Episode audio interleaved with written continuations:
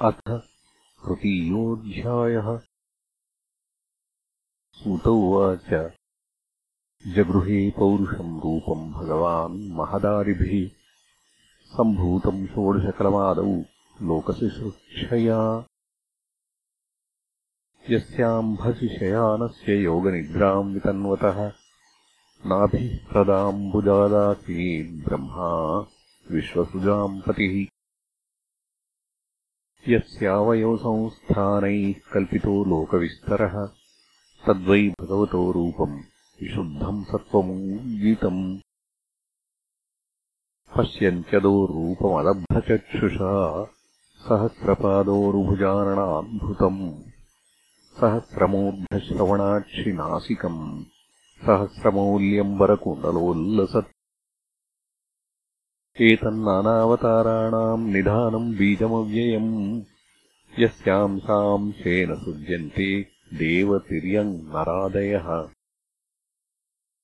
स एव प्रथमम् देवः कौमारम् सर्गमाश्रितः चचारदुश्चरम् ब्रह्मा ब्रह्मचर्यमखण्डितम्। द्वितीयम् तु भवायास्य रसातलगताम् महीम् उद्धरिष्यन्नुपादत्तयज्ञेशः सौकरम् वपुः। तृतीयवृषिसर्गम् च देवर्षित्वमुपेत्य सः। तन्त्रम् सातत्त्वमाचष्ट नैष्कर्म्यम् कर्मणाम् यतः। तुर्ये धर्मकलासर्गे नरनारायणावृषी। भूत्वात्मोपशमोपेतमकरोद्दुश्चरन्तपः पञ्चमः कपिलो नाम सिद्धेशः कालविप्लुतम् प्रोवाचासुरये साङ्ख्यम् तत्त्वग्रामविनिर्णयम् षष्ठे अर्थेरपत्यत्वम् वृतः प्राप्तो नसूयया आन्वीक्षिकीमलर्काय प्रह्लादादिभ्य ऊचिवान् ततः सप्तमा कूच्याम् रुचेर्यज्ञोऽभ्यजायत स यामाद्यैः सुरगणैः अपात् स्वायम्भुवान्तरम्। अष्टमे मेरुदेव्याम् तु नाभेर्जातौरुक्रमः दर्शयन् वर्त्मधीराणाम् सर्वाश्रमनमस्कृतम्। ऋषिभिर्याचितो भेजे नवमम् पार्थिवम् वपुः। दुग्धे मामोषधीर्विप्रास्तेनायम् स उषत्तमः रूपम् स जगृहेमाक्ष्यम् चाक्षुषोदधिसम्प्लवे नाव्यारोप्यमहीमय्यामपाद्वैवस्वतम् मनुम्। सुरासुराणामुदधिम् मथ्नताम् मन्दराचलम्। दध्रे कमठरूपेण पृष्ठ एकादशे विभुः।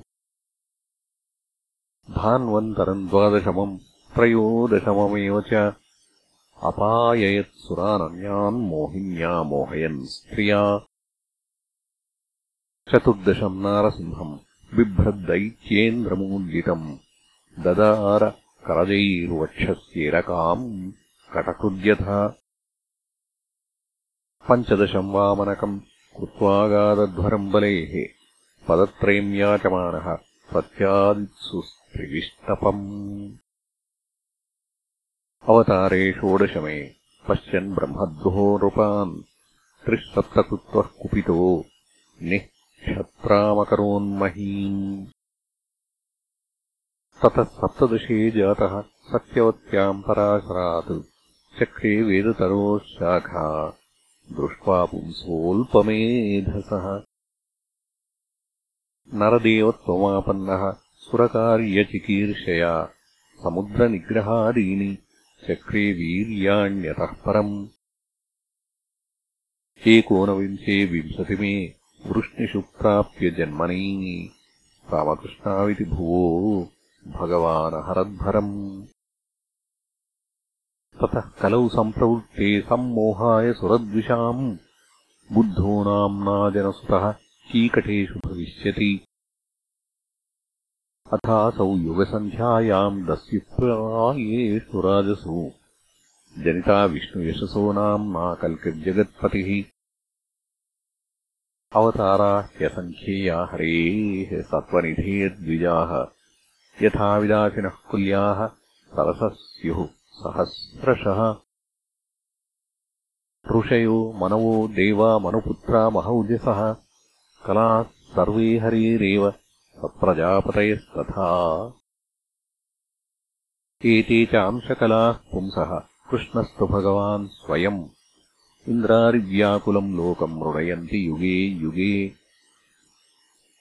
जन्मगुह्यम् भगवतो य एतत्प्रयतो नरः। सायम् प्रातर्गृणन् भक्त्या दुःखग्रामाद्विमुच्यते एतद्रूपम् भगवतो ह्यरूपस्य चिदात्मनः मायागुणैर्विरचितम् महदादिभिरात्मनि।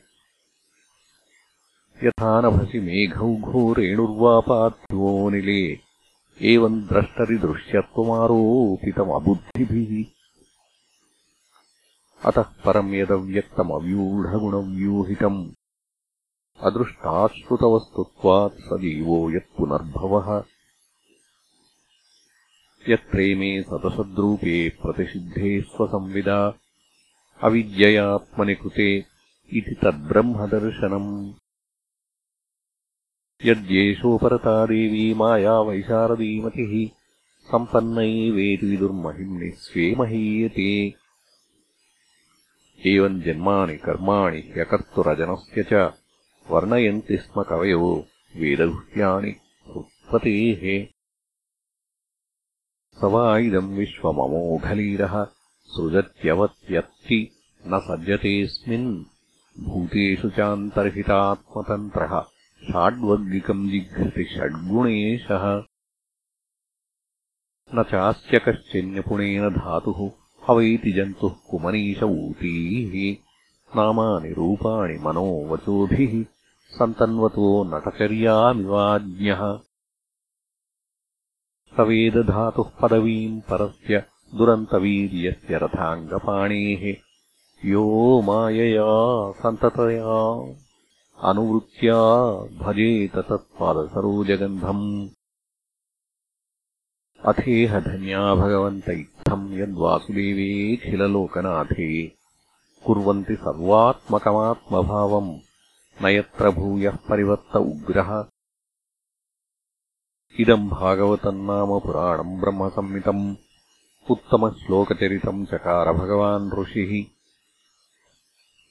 निःश्रेयसायलोकस्य धन्यम् स्वस्त्यैनम् महत् सदिदम् ग्राहयामास सुतमात्मवताम् वरम् सर्ववेदेतिहासानाम् सारम् सारम् समुद्धृतम् स तु संश्रावयामास महाराजम् परीक्षितम् प्रायोपविष्टम् गङ्गायाम् परीतम् परमर्षिभिः कृष्णे स्वधामोपगते धर्मज्ञानादिभिः सह। कलौ नष्टदृशामेषः पुराणार्कोऽधुनोदितः तत्र कीर्तयतो विप्रा विप्रर्षेर्भूरितेजसः अहम् चाध्यगमम् तत्र निविष्टस्तदनुग्रहात् सोऽहम् वः श्रावयिष्यामि यथाधीतम् यथामति इति श्रीमद्भागवते महापुराणे पारमहंस्याम् संहितायाम् प्रथमस्कन्धे तृतीयोऽध्यायः